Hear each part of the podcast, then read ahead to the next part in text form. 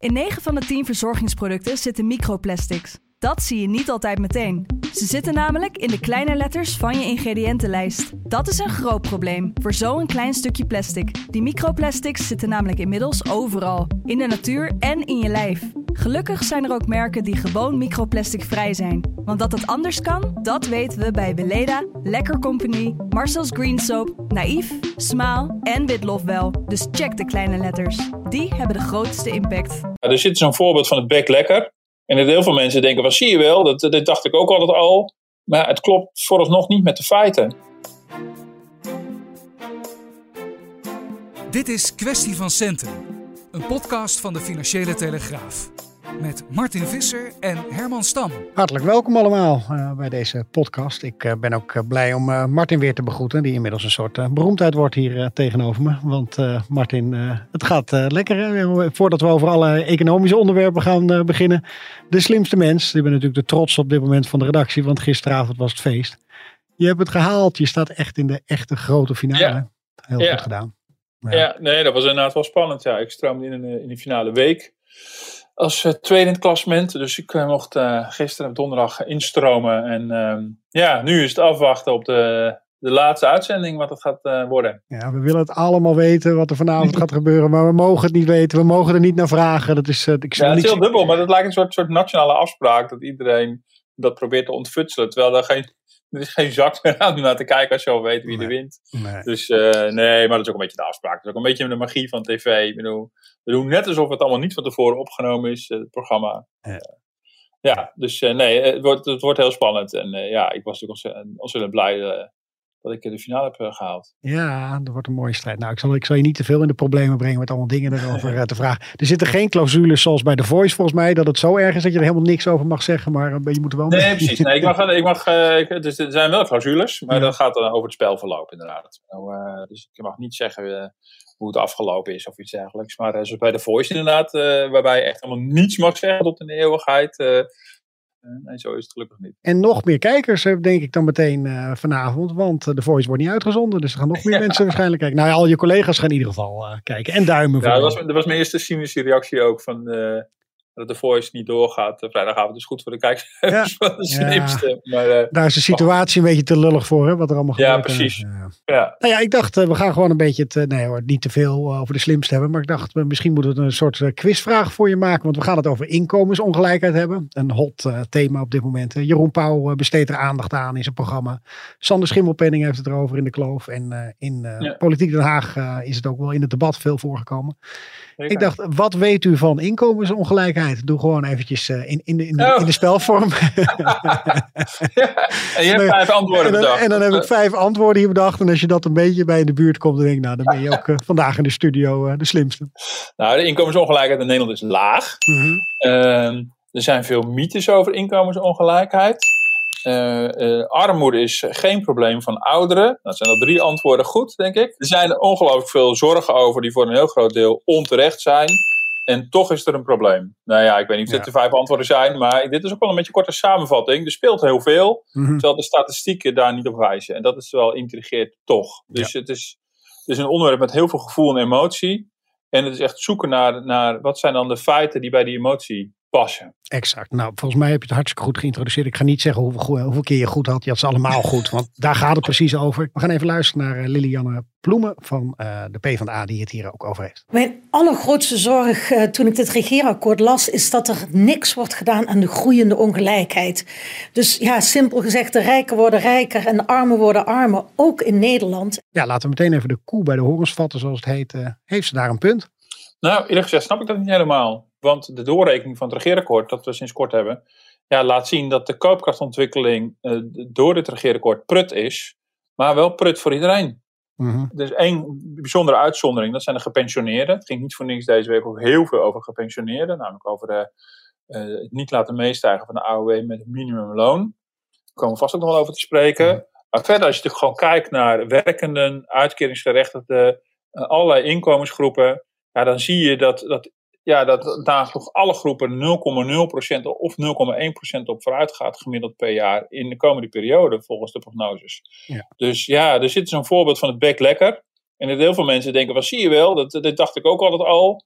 Maar het klopt vooralsnog niet met de feiten. En ook niet als je terugkijkt. En dat, maakt het ook allemaal heel erg verwarrend. We hebben zelf ook heel veel geschreven over de ontwikkeling van inkomens uh, in de afgelopen decennia. Uh, ja, er is in oktober een hele grote studie uitgekomen van het CBS, Centraal Bureau voor de Statistiek, samen met de Universiteit Leiden.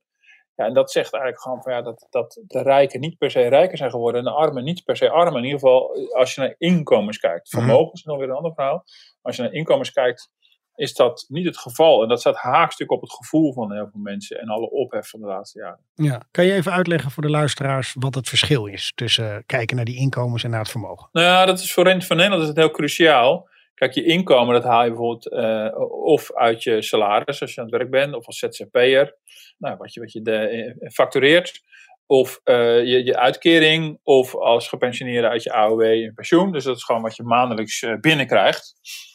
En je vermogen is natuurlijk wat je of op je vaartbankboekje hebt staan, of in beleggingen, of in vastgoed, of op allerlei andere manieren hebt liggen, zeg maar. Dat is niet je, je, je, je reguliere inkomen. Dus je inkomen en je vermogen, dat zijn twee verschillende dingen. En wat dan, als je dan kijkt naar de, de, de onderzoeken over ongelijkheid, want dat is uiteindelijk een beetje het onderwerp ook van, van deze podcast, dan zie je dat de inkomensongelijkheid in Nederland heel klein is.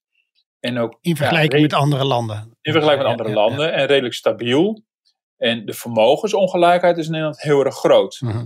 Overigens ook wel redelijk stabiel. Hij lijkt de laatste jaren een beetje te dalen. Maar in je vermogen zit je bijvoorbeeld ook je eigen huis. En die ongelijkheid, en dat is wel heel opvallend. Uh, het boek van Piketty, de, de, de, de, Fransman van een paar jaar geleden, ging heel erg over het vermogen. En toen kwam Nederland echt naar boven drijven. Nou, de vermogensongelijkheid is, heel, is, is, is behoorlijk groot. Ja, dat is toch echt, echt iets anders. Ik bedoel, dat kunnen ook mensen zijn die op leeftijd zijn. En uh, een groot bedrijf hebben opgebouwd. Op een gegeven moment de boer hebben verkocht. Dus een flink vermogen hebben, wat lekker zit te renderen, wat goede beleggingen en dergelijke. En misschien hebben ze qua inkomen alleen maar AOW, dat, dat, dat, dat, bestaat. En dan heb je dus misschien een heel klein inkomen, maar een enorm vermogen. Ja, dus, en, dat, en dat zie je, dat is wel een cruciaal verschil. In Nederland zijn de inkomensverschillen gewoon echt, echt klein. En ja, nemen ook niet heel erg toe of af. Ja, helder. Het is, het is leuk dat je dat zegt met uh, Piketty. Want uh, we hebben een leuk fragment voor je. Want je hebt zelf daar ook een, een boekje over geschreven. Uh, ja. de, de, kleine Piketty. de samenvatting van de grote. En dat kwam ook even naar voren deze week in het debat tussen premier Rutte en Jesse Klaver. Piketty. Ik ben niet verder gekomen dan de verkorte versie. Dat was nog een heel dik boek. Maar dat was ook een soort dunnere samenvatting die ik wat behapbaarder vond. Ik vraag naar wat is zijn opvatting. Hij zegt ik heb Piketty gelezen. Hartstikke mooi. Ja, ook de verkorte de versie. versie. Prima. Wat is dan je opvatting over zijn belangrijkste statement wat hij daar maakt, of wat hij daar bewijst? Dat kapitaal altijd harder groeit dan inkomen. Beetje oneerbiediger van de premier. De, de, dunne versie heeft hij het over. Nou, die werd door jou gemaakt en onze collega ja. Wouter van Bergen. Uh, ja. Maar daar staat wel ongeveer het belangrijkste in. Ja, uh, dus we hebben inderdaad van allebei de boeken van Piketty, de kleine Piketty 1 en kleine Piketty 2, een, uh, een soort samenvatting boekje gemaakt met een hoofdstukje over wat het over Nederland zegt. Nou, leuk om te, te weten dat de premier het gelezen heeft. Mm -hmm. En, Um, ja, en je ziet dus Jesse Klaver, die heeft destijds deze man naar Nederland gehaald en probeert nu dat thema al een tijd op de agenda te zetten. Omdat hij met die vermogensongelijkheid natuurlijk meer beet heeft dan met die inkomensongelijkheid. Even nog voor, de, voor, de, voor het idee, voor de cijfers. In Nederland is het zo dat de, de 10% vermogendste mensen ongeveer 60% van het vermogen hebben. Mhm. En, uh, en als je naar de inkomens kijkt, en dan kijk je bijvoorbeeld naar de topinkomens, dan is een opvallende statistiek dat de top 1% van uh, de, de, de, de, meest verdienende Nederlanders, dus dat echt inkomen, die verdient 6 à 7 procent van het totale inkomen. Mhm. Dus dat maakt ook nogal uit. Je ziet dus dat die, dat die, ja, die toplaag van vermogende mensen echt ook substantieel groot deel van het totale vermogen in handen hebben. Dus meer dan de helft van het vermogen is in handen van 10 procent van de Nederlanders. En bij die inkomens is dat veel minder. Dus daar, daar zit echt een, een groot, uh, groot verschil in. Dat heeft ongetwijfeld ook te maken met het feit, met, met de manier waarop wij in Nederland vermogen belasten. En dat is voor, voor internationale verhoudingen is dat heel mild en matig. En er zijn in Nederland allerlei manieren om je bijvoorbeeld je vermogen in een BV te stallen. En op die manier dat je verkapt inkomen in het BV stopt en dat gaat zitten oppotten. En dat is natuurlijk bedoeld voor ondernemers om daaruit te kunnen investeren. Maar dat wordt ook door allerlei andere mensen bedoeld uh, om uh, om die manier fiscaal gunstig uh, je, je inkomen weg te zetten. En dan ga je vermogens opbouwen op een fiscaal aantrekkelijke manier. Dus Ja. dat zijn echt wel twee verschillende onderwerpen ja, die echt ook wel tot andere conclusies voor Nederland leiden. Ja. Zie je veel in die debatten dat het te veel door elkaar gehaald wordt? Ja, dat kan nogal makkelijk. Want als, ja, als je het zeker ook. maar ja, dat geldt misschien ook voor mezelf een beetje. Want als je het hebt over de, de, de, de rijken worden rijker en de armen worden armer. Ja, bij rijkdom denk je natuurlijk in eerste instantie toch ook weer aan vermogen. Denk je, wat heeft iemand op zijn spaarbankboekje staan, om het huiselijk te zeggen. En net bij een van de eerste vragen had het natuurlijk over de rijken worden rijker. Uh, dat, uh, dat, trok ik het ook meteen naar inkomen. Ja, je kan het ook naar vermogen toetrekken. Dat loopt ook makkelijk door elkaar heen. Dat zou wel in die zin zuiver zijn om dat elkaar te houden. Dus nu je dat zo vraagt, denk ik ook van ja, als Liliane Ploem natuurlijk vooral daarop doelde, dan zou je kunnen zeggen van in de verkiezingsprogramma's van heel veel partijen staat dat vermogens zwaarder belast gaan worden ook in de verkiezingsprogramma's van de vier coalitiepartijen wordt daar uh, die kant op gegaan. En in de uitkomst in het coalitieakkoord zie je dat dat niet of nauwelijks gebeurt. Mm-hmm. Maar dat is, het is heel makkelijk om dat door elkaar heen te laten lopen. Terwijl je wel ziet dat ja, als je dus inkomens- en vermogensongelijkheid in Nederland, als je dat, als je dat op rij zet, zie je wel uh, ja, dat dat twee totaal verschillende onderwerpen zijn. Ja. Ja, ik vraag het ook omdat, uh, we noemden hem al eventjes, Sander Schimmelpenning, die is dan bezig met ja. zijn programma, De Kloof. En die zegt dan ook van, ja, uh, misschien moet je wel erfenissen bijvoorbeeld, uh, erfbelasting meer omhoog gaan gooien. Ja. Kapitaal wordt structureel steeds lager belast in Nederland. En arbeid eigenlijk heel hoog. Hè? Dus elke euro waarvoor je werkt wordt heel zwaar belast. En elke euro die komt aanwaaien met erfenissen of kapitaalwinst wordt eigenlijk niet belast. Je praat dat... over gratis geld. Ja, dat is gratis geld. Als jij uh, het geluk hebt om goed geboren te worden, dan heb je daar niet voor gekozen. Jij hebt Niemand... geld. Ik, nou, dat heb ik nog. Nou, dat heb ik inderdaad een deel al gekregen. Dat klopt, daar heb ik niets voor gedaan. Dat is puur geluk. Uh, ik ben niet tegen erfenissen, ik ben niet tegen vermogenswinst. Dat is allemaal prima, maar ik zeg wel, die belastingdruk is niet oké. Okay. Voor al die mensen die met een gouden lepel in de mond geboren worden, die wordt het eigenlijk te makkelijk gemaakt. Die krijgen te makkelijk ja. vermogen in handen. Hoe ja. kijk je daar dan tegenaan? Nou, ik vind het een groot dilemma. Ik vind dat ingewikkeld. Want um, weet je, er zijn twee manieren om er tegenaan te kijken. En dan heel, heel eerlijk te zijn, weet ik het dus eigenlijk niet zo goed. De ene manier om er tegenaan te kijken is te zeggen van ja, maar kinderen die een vermogen erven van hun ouders, dan krijgen dat geld dat gewoon eerlijk bij elkaar is verdiend. Als jouw ouders uh, een mooi bedrijf hebben opgezet, want daar gaat het al heel vaak dan over. En dat bedrijf of, of, of de opbrengsten van het bedrijf erf je dan ja, ik snap wel vanuit het perspectief van die ouders dat ze denken: van, ja, maar dat, daar heb ik, heb ik hard voor gewerkt. Dat is mijn nalatenschap ook aan mijn kinderen. Mm-hmm. Ja, en dat is dan een beetje de insteek: dan is een, een zwaardere belasting een soort jaloeziebelasting, omdat het gewoon de anderen blijkbaar niet gunnen. Maar de andere kant is wel weer, en volgens mij noemt uh, Schimmelpenning dat natuurlijk ook, is wat je bijvoorbeeld ook ziet, is op de woningmarkt, even één voorbeeld te noemen, is dat er steeds meer kinderen worden geholpen door hun ouders met een jubelton. Mm-hmm. Of ze erven heel veel geld en kunnen daardoor zich meer permitteren. En dan zorg je natuurlijk wel voor ongelijke verhoudingen op die woningmarkt. Ik kan zeggen, ja, dat that's life, dat hoort gewoon bij het leven. Maar het heeft wel gevolgen ook voor andere mensen. Uh, jij met jouw jubelton duwt misschien mij op die woningmarkt weg zonder mijn jubelton. Ja. Je, en dat is wel lastig. Dus als we het hebben in Nederland over. Je kan het ook even over inkomensongelijkheid hebben, over vermogensongelijkheid, maar je kan het ook hebben over kansenongelijkheid. Mm -hmm. uh, en daar zijn we voor me allemaal op tegen. Nou, uh, we proberen in Nederland het onderwijssysteem bijvoorbeeld zo, zo te doen dat we dat er gelijke kansen zijn voor iedereen. Maar het kan natuurlijk zijn dat, dat als, als er jongeren zijn of, of kinderen zijn die van hun ouders grote vermogens erven, dat hun kansen daardoor substantieel toenemen. Dus een grote vermogensoverdracht via erfenissen kunnen bijdragen aan kansenongelijkheid. En dan vind ik het ingewikkeld worden. Mm-hmm. Dus je begrijpt wat ik bedoel. Maar ik ben er persoonlijk eerlijk gezegd niet zo uit. Maar ik vind het wel interessant dat iemand als Sander Schimmelpenning, die natuurlijk zelf van goede kom af is, juist dit thema aansnijdt. Om ja. ook te laten zien van ja, zo werkt het uit voor voor mensen in mijn milieu. Mm-hmm. En eigenlijk is dat unfair. Ja.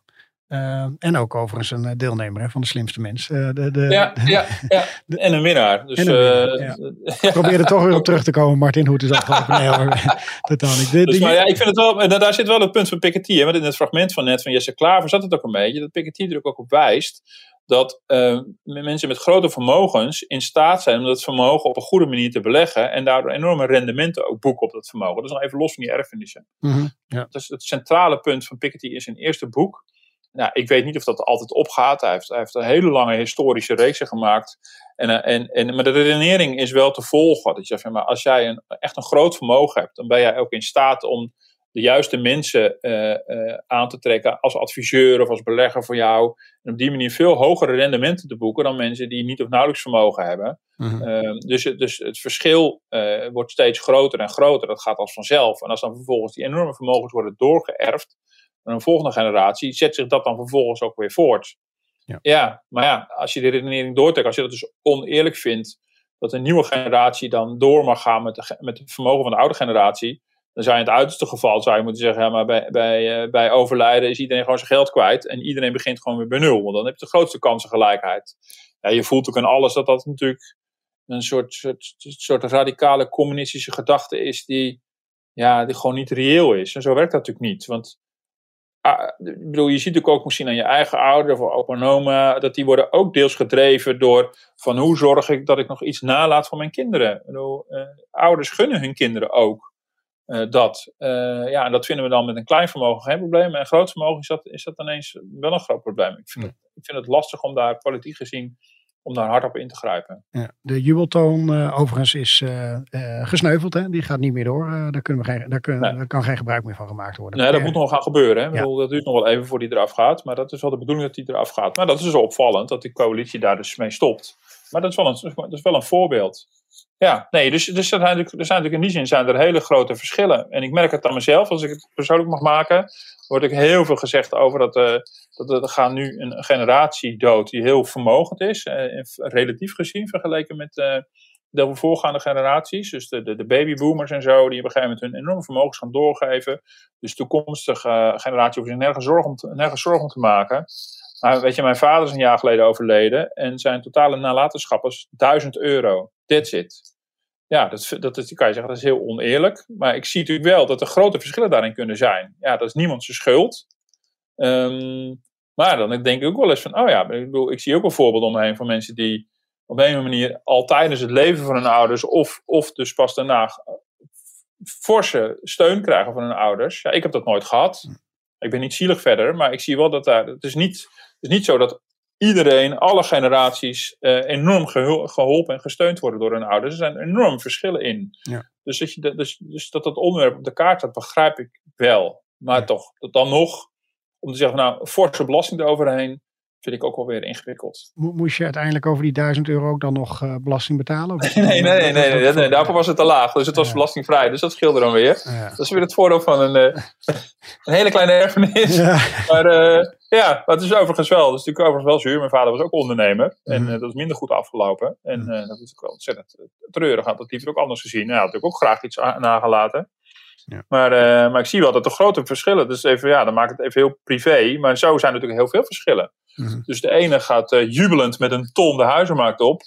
En de ander eh, weet van gekkigheid niet hoe die in huis moet komen. En dat is toch wel een vorm van ongelijkheid. Die, eh, ja, want kijk, weet je, die jubelton wordt wel afgeschaft. Hè, in die zin van, die fiscale vrijstelling gaat eraf. Maar dan nog zullen vermogende ouders meer ruimte en mogelijkheden hebben om hun kinderen financieel te helpen. Dat is iets van alle tijden. Maar ja, omdat natuurlijk dat de nieuwe generaties steeds vermogender zijn, nemen die mogelijkheden wel toe. Mhm. En als dat gevolgen heeft voor een huizenmarkt of voor, een- voor het onderwijs, eh, nou, dan kan ik me wel voorstellen dat je naar die gevolgen wel kijkt. Want voor het onderwijs geldt natuurlijk ook, de kinderen met eh, goed verdienende ouders hebben een grotere kans op een betere opleiding. eh, en zo gaat door de generaties heen, eh, worden de goede kansen wel, wel weer doorgegeven. Ja. Dus ja, of, of Nederland nou op alle fronten nog steeds een kansengelijkheid heeft, betwijfelen. Zo'n schimmelpenningen, ik heb die, eh, de aflevering nog niet gezien, maar hij roept ook op aan eh, vooral zijn generatie van luister, eh, kap nou eens met weer een nieuwe boot kopen en een nieuw horloge en richt je eens wat meer op nou, beter verdelen van het vermogen. Zie je het kans maken? Denk je dat bij zo'n jongere generatie of de generatie onder schimmelpenning dat daar, dat daar nou, een beetje vat op komt van mensen van nou we zijn Ja. minder daarop gefocust. Het is belangrijk om het beter te verdelen in de maatschappij. Ja, misschien wel. Nou je ziet sowieso, dit onderwerp bestaat nu echt al, eh, echt al een jaar of tien, denk ik, echt op de agenda. eh, internationaal. Eh, dus in die zin, eh eh, Piketty kwam binnen met zijn verhaal en is niet meer weggegaan, voorlopig. En eh, je ziet ook dat er oproepen al eh, een tijd geleden is gedaan, ook in Amerika, van de allerrijksten, van, van belast ons nou eens meer. Want dat is nog iets anders. Je kan bij erfenissen belasten, maar je zou het ook gewoon de vermogensbelasting bij leven natuurlijk naar kunnen kijken. En ook de constructies waarmee eh, de, de mogelijkheden zijn om vermogen goed weg te zetten, zodat het zo min mogelijk belast wordt. Ja, kijk, weet je, en, en, en misschien dat die generatie, of, of de, de, die, die groep jongeren of jonge mensen, waar Sander Schimmelpenk op doelt, misschien wel bewuster wordt. Maar ja, je kan geen belasting betalen die er niet is. Je gaat niet vrijwillig ineens geld naar de Belastingdienst overmaken. Ja, en ik denk dat in Nederland vooral het punt ook is van, eh, is onze vermogensbelasting fair? Ik bedoel, daar wordt niet het rendement belast, maar, eh, maar een soort fictief rendement. En de facto, ja, als, als, als klein, nee, niet als kleine spaarder, want je hebt een, het eerste bedrag is vrijgesteld, maar als, of het nou op een spaarrekening staat of als een malle rendeert op een beleggingsrekening, daar houdt, houdt de fiscus allemaal geen rekening mee. En ja, ik noemde net al heel even die BV's, de box 2, dat is wel een manier ja, waarop ook mensen gewoon uh, dat ja, ja, misbruiken of gebruiken op een manier die niet bedoeld is. Ja, waardoor je dus, en, en die constructies zijn natuurlijk wel, waarbij je dus als ondernemer je, vermogen kan opbouwen in box 2. En, en met, met, met, je slimme tekstplanning veel minder belasting betaalt dan mensen met een normaal regulier inkomen. En als je dat dan ook nog met relatief weinig belasting kan door laten erven naar de volgende generatie. Kijk, daar zou ik eerder naar kijken dan in zijn algemeenheid te zeggen van gooi de belasting omhoog. Het gaat mhm. natuurlijk ook een beetje om de constructies. Ja. Die, die toegankelijker zijn voor mensen met groot vermogen dan, dan voor mensen met een klein vermogen. En daar zijn we natuurlijk heel goed in, want daar hebben we allerlei kantoren aan de Zuidas eh, die daar heel goed advies in kunnen geven. En juist de rijke mensen kunnen daar het makkelijkst gebruik van maken. Ja, precies. En dan, en dan heb je dan focus het veel meer. En dan ga je kijken van welke onderdelen van het belastingstelsel die we al hebben, worden niet, niet gebruikt op de manier waarop ze bedoeld zijn. Uh, en ik denk dat, daar, dat je daar het debat op moet focussen. En dan blijf je ook een beetje weg bij die jaloeziebelasting. Met, het, mhm. met het idee van het is oneerlijk dat mensen uh, een groot bedrijf opbouwen. Of, uh, ja, of, of dat een soort boete op geluk of zo. Want dat kan natuurlijk ook. Je kan ook gewoon geluk hebben. Ik denk, bijvoorbeeld mijn vader heeft gewoon even pech gehad in, in, zijn, in zijn leven. En als, als hij meer geluk had gehad, dan, dan had ik niet zitten klagen. En dan had ik misschien ook een jubelton te besteden gehad ja, je kan moeilijk geluk en, en ongeluk eh, rekening mee houden in de belastingen. Maar als, als iets gebruikt wordt op een manier waarop het niet bedoeld is, dan kan je natuurlijk wel naar kijken. Ja, en je refereerde net volgens mij al eventjes aan die uh, Occupy-bewegingen. Uh, het loopt al een tijdje. In welke landen zie je nou uh, dat er al wat veranderd is door die beweging? Uh, bijvoorbeeld in Amerika. Ja, nou in Amerika zie je vooral ook het debat. En um, ik heb niet helemaal paraat in welke landen er nou allemaal nieuwe vormen van belastingen zijn, zijn geïntroduceerd. Maar je ziet wel over het debat ontstaan. Je ziet wel um, dat in ieder geval de vermogensbelasting bespreekbaar is. Maar of er nou echt heel veel aan het veranderen is, dat waagt nog wel een beetje te betwijfelen je ziet wel, dat is één slag breder dan natuurlijk wel uh, dat dingen als het, het bankgeheim gesneuveld is, de belastingontwijkingsroutes steeds meer worden ontmoedigd. Je ziet dat er een internationale deal is over een minimale belasting voor bedrijven, dus de winstbelasting. Dat is nog net niet dit onderwerp. Maar je ziet natuurlijk wel dat allerlei aan, aanpalende onderwerpen natuurlijk wel aangepakt worden. Maar ja, het echt aanpakken van, van, van de allerrijkste is in een land als Amerika ook wel moeilijk, want dat zijn natuurlijk ook de financiers van die politieke partijen. Mm. Uh, overigens is dat ook weer een punt van Piketty, wat in Europa, nou ja, in ieder geval in Nederland, niet in die mate speelt. Ja, dat natuurlijk uh, dat vermogende mensen zich ook een toegang kunnen kopen tot het politieke systeem. En dat kan natuurlijk ook onwenselijk zijn. Dat zou je natuurlijk niet uh, moeten willen. Maar goed, ook, ook in Frankrijk heb je natuurlijk verhalen over het vermogende families. Die natuurlijk campagnekassen spekken. En in Nederland begint het af en toe ook een beetje te spelen. Je ziet wel de gevoeligheid in ieder geval erover.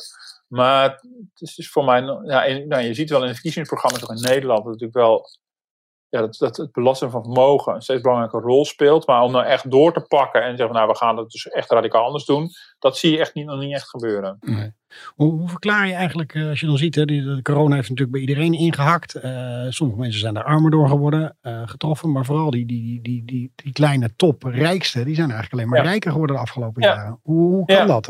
Als je nou eenmaal zoveel geld hebt, dan is het eigenlijk veel makkelijker om veel geld te blijven verdienen. Nou ja, dat is, dat is in ieder geval de centrale stelling van, van Piketty ook wel. En dat, dat, is, dat is in de meeste gevallen is dat natuurlijk wel zo. Um, ja, uh, ik denk dat hier een deel van de verklaring zal zijn dat heel veel rijkdom bij de tech zit natuurlijk. Ik, bedoel, uh, ik weet niet of dat de hele verklaring is. Maar A, heb je natuurlijk wel gezien dat de, de techsector geprofiteerd heeft van de coronacrisis. Dus daar, daar zit heel veel winst. Dus daar, zit ook, daar zitten ook inmiddels de rijkste mensen. Uh, dus ook, eh, je ziet ook dat de beurs natuurlijk goed hebben gedaan. Na een aanvankelijke daling van de beurs in het begin van de coronacrisis is dat heel snel hersteld. Er werden alleen maar nieuwe records uh, geboekt. Ja, daar profiteren natuurlijk ook alleen maar een bovenlaag natuurlijk van. En wij profiteren ook wel via onze pensioenfondsen. Dus, dus in die zin, in Nederland beleggen we ook mee hè, met z'n allen. Dus heel veel mensen hebben in Nederland ook een aanvullend pensioen. En op die manier bouwen wij ook vermogen op. Um, dus dat is wel heel specifiek aan het Nederlandse pensioensysteem. Ehm, maar je ziet natuurlijk wel, ja, dat zijn toch de, de, de, allerrijksten die daar natuurlijk het meeste van, eh, van profiteren. En dat is, natuurlijk heel, dat is natuurlijk heel wonderlijk. Maar kijk maar het verschil tussen de beurs en de economie. Dat is natuurlijk deels uit elkaar gegroeid. Nou, ik denk dat je op de beurs, mm, dan kan je min of meer samen laten vallen met, met de meest vermogende mensen. En dan krijg je diezelfde discrepantie. Ja, ja volgens mij uh, uh, 5194 miljard hebben ze erbij gekregen. De, de, de top 3000 uh, miljardairs, Ja. als ik het even zo snel zag. Ja, ja, ja en dat zie je natuurlijk. Kijk, in Nederland was dan de top 10 eh, van de meest vermogenden heeft 60%. Nou, in Amerika is het, eh, is, het nog, eh, is het verschil nog veel groter. En dan zie je dus dat een, een, de rijkste, dan kan je doorgaan tot de rijkste 1%, of niet de rijkste 0,1%, die dan nog steeds een heel groot aandeel heeft van het totale vermogen. Dus eh, en dat, dat- nou, dat zie je natuurlijk ook. Dat is een beetje de vraag van, is Amerika ons voorland? Want zover is het in, in Nederland of Europa nog helemaal niet.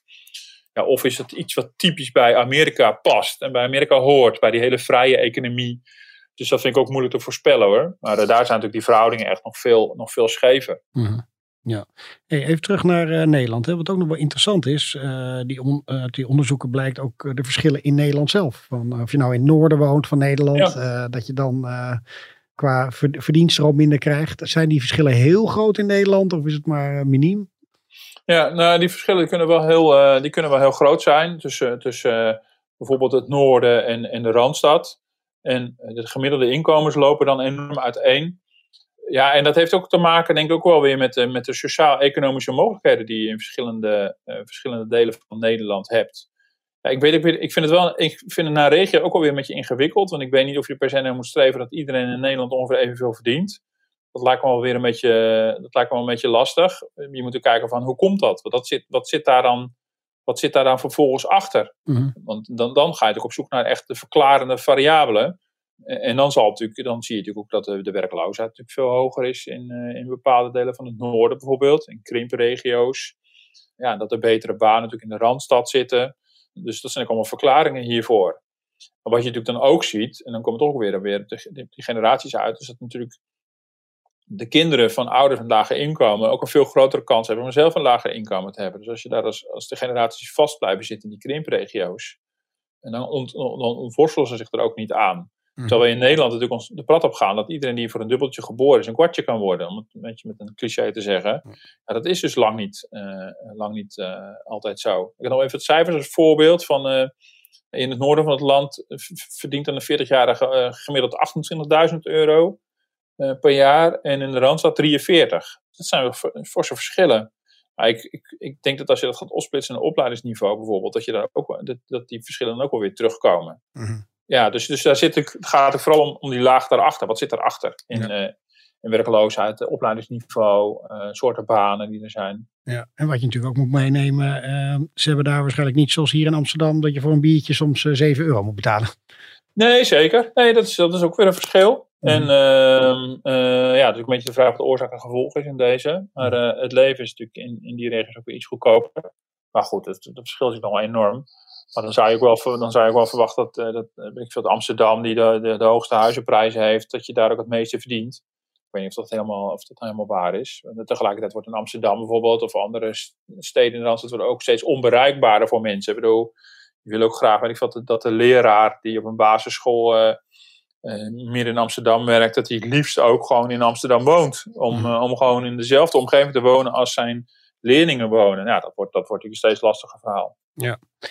En nog even, hè, je, hebt, je hebt goed uitgelegd dat verschil tussen het vermogen en dat inkomen. Dat onderzoek eh, van de Universiteit Leiden waar je aan refereerde, dat ging vooral over inkomen als ik het goed heb. Ja, Eh, en daar zeggen ze dan van nou luister, de ongelijkheid is stabiel. Eh, Ja. Zeg je dan van dat is niet genoeg, het had de afgelopen jaren veel meer ver- had verminderd moeten worden of dat Ja. is wel oké? Ja, nou ja, dat, hangt, dat is eigenlijk een politieke vraag. Of je dat eh, oké vindt of niet. Ja, internationaal gezien is Nederland eh, heeft dus een kleine inkomensongelijkheid. De twee dingen vallen op. In het onderzoek werd ook gezegd dat primaire inkomen, dus nog voor de belastingen en alles, daarvan loopt de ongelijkheid wel op. En we hebben in Nederland een grote herverdelingsmachine. Dus dat hebben we eigenlijk al van ouds. We zijn natuurlijk echt een nivellerend landje. En dat was ook een van de uitkomsten van het onderzoek. Die, die herverdelingsmachine moet wel steeds harder draaien om tot de gelijke uitkomst te komen. Dus dan kan je zeggen, nou, de uitkomst is zoals we dat hadden gewenst. Uh, en aan het begin, voordat de machine aan het werken is, lopen de verschillen wel op. En waar komt het dan door? Daar ben ik ook wel benieuwd naar. Van, um, uh, we hebben ook natuurlijk wel een heel systeem met toeslagen, weet ik wat allemaal nodig, om te zorgen dat mensen aan het eind van de rit ook een fatsoenlijk inkomen hebben om van te kunnen leven. Hè. Dus als 5 miljoen huishoudens van de 8 miljoen huishoudens recht hebben op een toeslag, want dat is zoals we het al geregeld hebben, dat is om tot het gewenste netto inkomen te komen.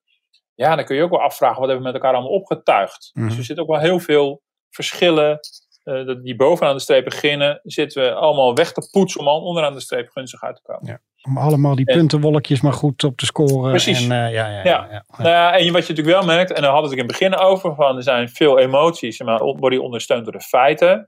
Is, waar, waar natuurlijk naar gekeken wordt, is um, naar gemiddeldes wordt gekeken. Dat is ook logisch. Er wordt een, eh, een, eh, bij ongelijkheid altijd een Gini-coëfficiënt uitgerekend. En dat is een, een manier om, om uit te drukken of de verschillen heel groot of heel klein zijn. En om het onder, tussen landen onderling te vergelijken. En er zijn ook wel economen die daar kritisch op zijn. Die zeggen, nou, die manier van berekenen is wel heel grofmazig. En je slaat wel heel veel, eh, ja, je slaat wel heel veel eh, ongelijkheden die er wel zijn. Die zie je over het hoofd. Die veeg je allemaal, eh, scheer allemaal over één kam. Mhm. Want het is natuurlijk wel zo dat er zijn natuurlijk wel degelijk zorgen over de toename van het aantal ZZP'ers met een heel minimaal inkomen. Uh, toename van het aantal andere vormen van flexwerkers met heel beperkt inkomen. De, de mate waarin armoede bestaat onder huishoudens met kinderen bijvoorbeeld. Dus er zijn natuurlijk wel degelijk zorgen over subgroepen. En dat zei die onderzoeker Koen Caminada van de Universiteit van Leiden, zei dat ook. Van grofweg zijn die ongelijkheidscijfers, die zien er keurig uit. Maar daaronder zit nog een hele werkelijkheid waar je best zorgen over zou kunnen maken. Maar die werkelijkheid is weer niet zodanig groot dat hij die hele statistiek omverblaast, zeg maar. Mm -hmm. ja. Alleen dan moet je dus wel heel specifiek zijn. Waar heb je het nou precies over? Je kan roepen de rijken worden rijk en de armen worden armer. Dat is een hele algemene uitspraak. En je kan je beter gewoon heel specifiek gaan richten. En dan is de vraag inderdaad waar je op richt. Richt je dan op de gepensioneerden, de ouderen? Of richt je dan op, uh, op heel andere groepen? Op ZZP'ers, zoals ik net al noemde, of op kinderen? Ik denk dat dat zinvoller is. Ja. Uh, juist omdat je wil voorkomen dat misschien in de toekomst die ongelijkheid gaat toenemen. Ja. Je noemde al even die gepensioneerden. Uh, daar wilde ik nog even op terugkomen. Uh, vooral ja. rond de AOW-discussie, waar we het vorige ja. week ook al een beetje over hadden. Maar laten we eerst even luisteren naar een fragment van uh, Ja 21. Het principiële punt is die AOW. En dat zie je omdat het ook zo breed wordt gedeeld in deze hele Tweede Kamer. De AOW-koppeling kost geld. Maar als je principieel ermee eens bent dat ouderen, en dat zijn er behoorlijk wat, niet door het ijs kunnen zakken financieel, dan zeg je toe dat je dat terugdraait. Ja, Joost Eertmans, uh, daar hebben veel meer mensen hier wat over gezegd. Uh, ja. Dat voelt voor ouderen unfair. Ze denken van, hé, hey, dat minimumloon gaat wel omhoog en ik met mijn AOW'tje ga daar niet in mee. Dat voelt ook als uh, vergroten van de inkomensongelijkheid. Ja. ja. En hebben ze daar een punt? Nou ja, ze hebben natuurlijk een punt dat uh, de koopkrachtontwikkeling van gepensioneerden natuurlijk al lange tijd achterloopt bij die van werknemers. En dat voelt natuurlijk uh, oneerlijk. Uh, dat heeft voor een groot deel te maken, voor het overgrote deel denk ik te maken met het uitblijven van de indexatie van de pensioenen. Van heel veel pensioenen, niet van alle pensioenen, maar heel veel pensioenen die, die stijgen nog niet mee, al, al, die stijgen al heel veel jaren niet meer mee met de prijzen. Zeker bij de grootste fondsen. En dat zorgt voor een enorme achteruitgang in de koopkracht van het aanvullend pensioen. Dus in die zin voelt dat natuurlijk unfair. En nu heeft het kabinet, deze nieuwe coalitie ervoor gekozen om het minimumloon te verhogen. Wat natuurlijk goed is voor de werknemers aan de onderkant van het loongebouw. En specifiek bij die, bij die extra verhoging wordt de AOW niet meegenomen. Dat betekent dus niet dat, dat, dat is wel goed om te zeggen, er is niet een totale ontkoppeling van de AOW en de minimumloon. Er is een ontkoppeling voor deze extra verhoging. Mhm. Mm -hmm. Maar ontkoppeling is politiek ligt altijd heel gevoelig. En dat zie je, dat, dat hebben we het van me eerder gehad in, over de, in de podcast. En, uh, en ook voorspeld, voor mij een week geleden pas. Maar en ook voorspeld -hmm. dat dat dus een belangrijk punt gaat worden in het debat. En dat bleek dus ook het geval te zijn. Maar dat ligt gewoon heel erg gevoelig. En zeker omdat uit de koopkrachtplaatje blijkt dat gementioneerde gemiddeld nou op achteruit gaan uh, in het kabinet. Uh, ja, is die ontkoppeling van die AOW met die extra verhoging van minimumloon, ja, daar, daar waren alle ogen op gericht. En dat begrijp ik ook wel. Denk, denk je nou, want Rutte uh, geeft nog geen sjoegen op dit moment. Hij nee. zegt, ja luister, uh, voor die uh, echte AOW'ers, die mensen die alleen moeten leven van de AOW en een heel klein aanvullend pensioen, hebben we iets, want daar gaan we belasting voor verlagen. Als ik het goed eh, samenvat. Uh, maar denk je dat die uiteindelijk nog wel gaat bewegen? Wordt, wordt de druk te groot hierop? Ja, ik, ik, ja, ik denk dat die op een gegeven moment zal moeten bewegen, schat ik in. Want het last met die oudere korting, hij gaat dus niet de belasting verlagen, maar ja, de facto wel, maar gaat de oudere korting verhogen. Dat is een korting die je krijgt via belasting. Ja, voor mensen met een, eh, met een relatief lage inkomen, die hebben er niks meer aan. Oh, die, die korting is zodanig hoog dat sommige mensen al een maximale oudere korting gebruiken. En als je de ouderekorting, dat zegt het Centraal Planbureau ook, als je de ouderekorting nog verder verhoogt, ja, dan bereik je gewoon de onderste groep van, uh, van de AOW's, bereik je daar niet mee. En dat is precies de groep waar het om te doen is. Ja. Uh, tegelijkertijd uh, is het natuurlijk ook zo dat als je zegt, nou we gaan die koppeling wel doen, dus we gaan die, um, de, de, de, de AOW wel mee laten stijgen met 7,5%, dus het minimumloon, dan kost dat het kabinet 2,4 miljard. Per jaar? Uh, ja, structureel. Ja, ja. En uh, nou, de, nu, nu uh, die, die stijging van de oudere korting die er al in zat, die zou je er niet hoeven doen. Die was, die was 0,7 miljard. maar goed, dan blijft er toch 1,7 miljard over. Dat is toch een, een, een, dure grap. En het lastige daarvan is, is dat natuurlijk ook, dan ga je ook de AOW verhogen van alle mensen die een heel goed aanvullend pensioen hebben. Hm. Ik kan me best voorstellen dat Rutte denkt van ja, dat ga ik niet te snel toegeven. Want dat is heel veel geld en dat is is het heel doelmatig besteed? Dat is de vraag. Misschien wel heel erg eh, doelgroep VVD. Dat zijn een beetje de rijkere gepensioneerden. Ja. ja. nou ja, en wat ik ook met me realiseer, wij schrijven er ook heel veel over. Uh, uh, we hebben natuurlijk ook, ook lezers in die leeftijdsgroep. En ook de politiek merkt ik dat de druk van, van gepensioneerden natuurlijk toeneemt. Het is natuurlijk een grote electoraal steeds belangrijker wordende groep.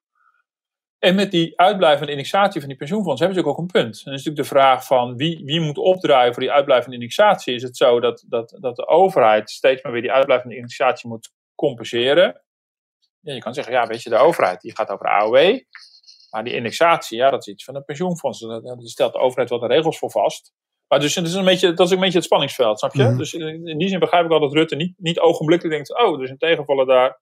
Uh, net zo goed als, uh, ik als onze vakbond een slechte CEO uit onderhandelt, dan gaat Rutte niet ineens zeggen van, oh, die arme journalisten, die hebben zo'n slechte CEO, dat moeten we maar even gaan compenseren. Mm -hmm. Je denkt, ja. ja. dat is een ander veld. Dat is niet, dat is niet mijn speelveld. Pensioen is natuurlijk een beetje dubbel, want de overheid is natuurlijk een belangrijke regelgever op het gebied van pensioen. Maar, maar dat is wel een beetje het dilemma waar ze mee zitten. En wat ik wel belangrijk vind om nog te zeggen, dat is niet heel, dat is niet heel populair, is dat dit, dit, deze oproep van de Tweede Kamer past in het frame van uh, dat de huidige ouderen uh, gemiddeld genomen het heel zwaar hebben. Um, alleen ja, uit alle statistieken blijkt dat armoede onder ouderen gewoon bijna niet voorkomt. Dus in die zin, uh, ja, als je kijkt naar het deel van de huishoudens dat onder de armoedegrens zit, ja, dat is bij ouderen is dat echt heel erg klein. En bij alle andere leeftijdsgroepen is dat veel groter. Mhm. Dus als je een zorgen maakt over, over armoede, dan moet je misschien op andere groepen richten dan op ouderen. Ja. Um, maar goed, dit vinden heel veel mensen niet leuk om te horen. Uh, nee, en je hebt altijd de voorbeelden van mensen die natuurlijk het wel zwaar hebben en uh, geen dag gevarieerd kunnen eten op en op leeftijd zijn. Ja, ja precies. Nou, deels is het wel verklaarbaar en dat vind ik wel interessant hieraan. Het is verklaarbaar omdat uh, de armoedegrens, het heet de lage inkomensgrens, die wordt in, is in Nederland zodanig getrokken dat onze bijstandsuitkering daar net onder valt. Dus mensen die in bijstand zitten, die worden gezien als onder de armoedegrens. Maar de AOW ligt er net boven. Dus dat betekent dat iedereen die uh, uh, in Nederland een volledige AOW krijgt, is per definitie niet arm mm. volgens onze statistieken. En daar kan je natuurlijk best over een discussie over hebben. Van vinden we onze AOW nog wel voldoende? Maar dat is een andere discussie dan van uh, is er een armoedeprobleem ja of nee. Ja. ja, en het voelt natuurlijk ook een beetje unfair als je ziet dat dit uh, creditcard kabinet alle, op alle vlakken aan het uitgeven is. Van ja. laat de bommen waaien en dit ja. kan dan niet omdat het financieel nee. niet zou passen. Nee, precies. Dat, maar ja, dat is tegelijkertijd het risico dat je denkt, van, ja, ach ja, die miljarden vliegen het om de oren. Deze 2,4 kan dan ook alweer bij. Maar het is wel goed om te weten bijvoorbeeld dat de armoede dus, uh, de, de, de, de, de voorkomen van armoede neemt dus toe. Maar juist bij de leeftijdsgroep voor pensionering. het grote probleem van, van de kwetsbare financiële situatie zit bij de mensen tussen 55 en 65. En dat zijn dan mensen die werkloos zijn geraakt en geen enkele kans meer kregen op een nieuwe baan. Die uh, in een arbeidsongeschiktheidsuitkering terecht zijn gekomen. Of waarvan de WW-uitkering was afgelopen en in de bijstand zitten. En dat zijn mensen die zitten te hunkeren naar het moment dat ze eindelijk een AOW gaan krijgen. Want dan gaan ze er eindelijk weer op vooruit. Mm -hmm. Dat is ook een hele penibele situatie waar die mensen in zitten. Maar je ziet dat zo'n Kamerdebat gaat ook heel makkelijk over de stereotypen. En dan vergeet je misschien waar de grootste problemen zitten. Ja. En een groep die uiteindelijk uh, dan ook weer moet betalen als er meer uitgegeven wordt door het kabinet. Want het moet ergens weer uh, terugbetaald worden. En dat, ja, uh, nou, ik denk niet dat het de groep is die de meeste belasting betaalt. Maar het wel, wel waar de kansen op de arbeidsmarkt moeilijk liggen. Mm-hmm. Waar we heel veel over praten, over ouderwerklozen, maar relatief weinig aan doen. Maar ik begrijp, ik begrijp overigens het sentiment natuurlijk heel goed. Hè. Ik bedoel, het, is, het is echt wel wat om die AOW te ontkoppelen. En misschien is het wel een hele goede reden om die AOW mee te laten stijgen. Zeker omdat in het verkiezingsprogramma bijvoorbeeld de VVD eigenlijk de bijstand had willen ontkoppelen en de AOW had willen koppelen. Dan heb je toch een moeilijk verhaal om dat nu dan eens uh, zo om te draaien. Ja. Nou, voor deze uitzending, uh, dit was niet de slimste mens, maar we hebben wel allerlei vragen ingesteld die je volgens mij uh, uitmuntend hebt beantwoord. Laat het een, een, voorbode zijn voor vanavond, dat het net zo goed afloopt, Martin. Jij gaat, ja. jij gaat ongetwijfeld de borrelnootjes inslaan zo meteen en een lekker ja, glaasje fris en op de bank zitten, net als wij. Ja, dus het is mijn dry January, dus het wordt een bescheiden tv-avondje wat dat betreft. Oh, hij gaat geen champagne drinken. Kijk, dat is een hint. Dat is een hint. Nee, nee met de hele, de hele maand al, uh, is, het al, uh, is het al alcoholvrij. Dus gaan we, gewoon, we gaan vast. Nou, uh, we gaan het allemaal bekijken. En volgende week kunnen we het dan nog eventjes erover hebben. Omdat ik dat gewoon oké okay, En dan houden we erover op. En dan houden we erover op. Dat beloven we de luisteraars. Um, blijf ons mailen op dft.podcast.nl. En wat we ook leuk vinden is als u een beoordeling achterlaat op de podcast apps. Om aan te geven of u dit leuk vindt om naar te luisteren. Dat, uh, dat zien we graag. Bedankt voor het luisteren en tot volgende week. Tot volgende week.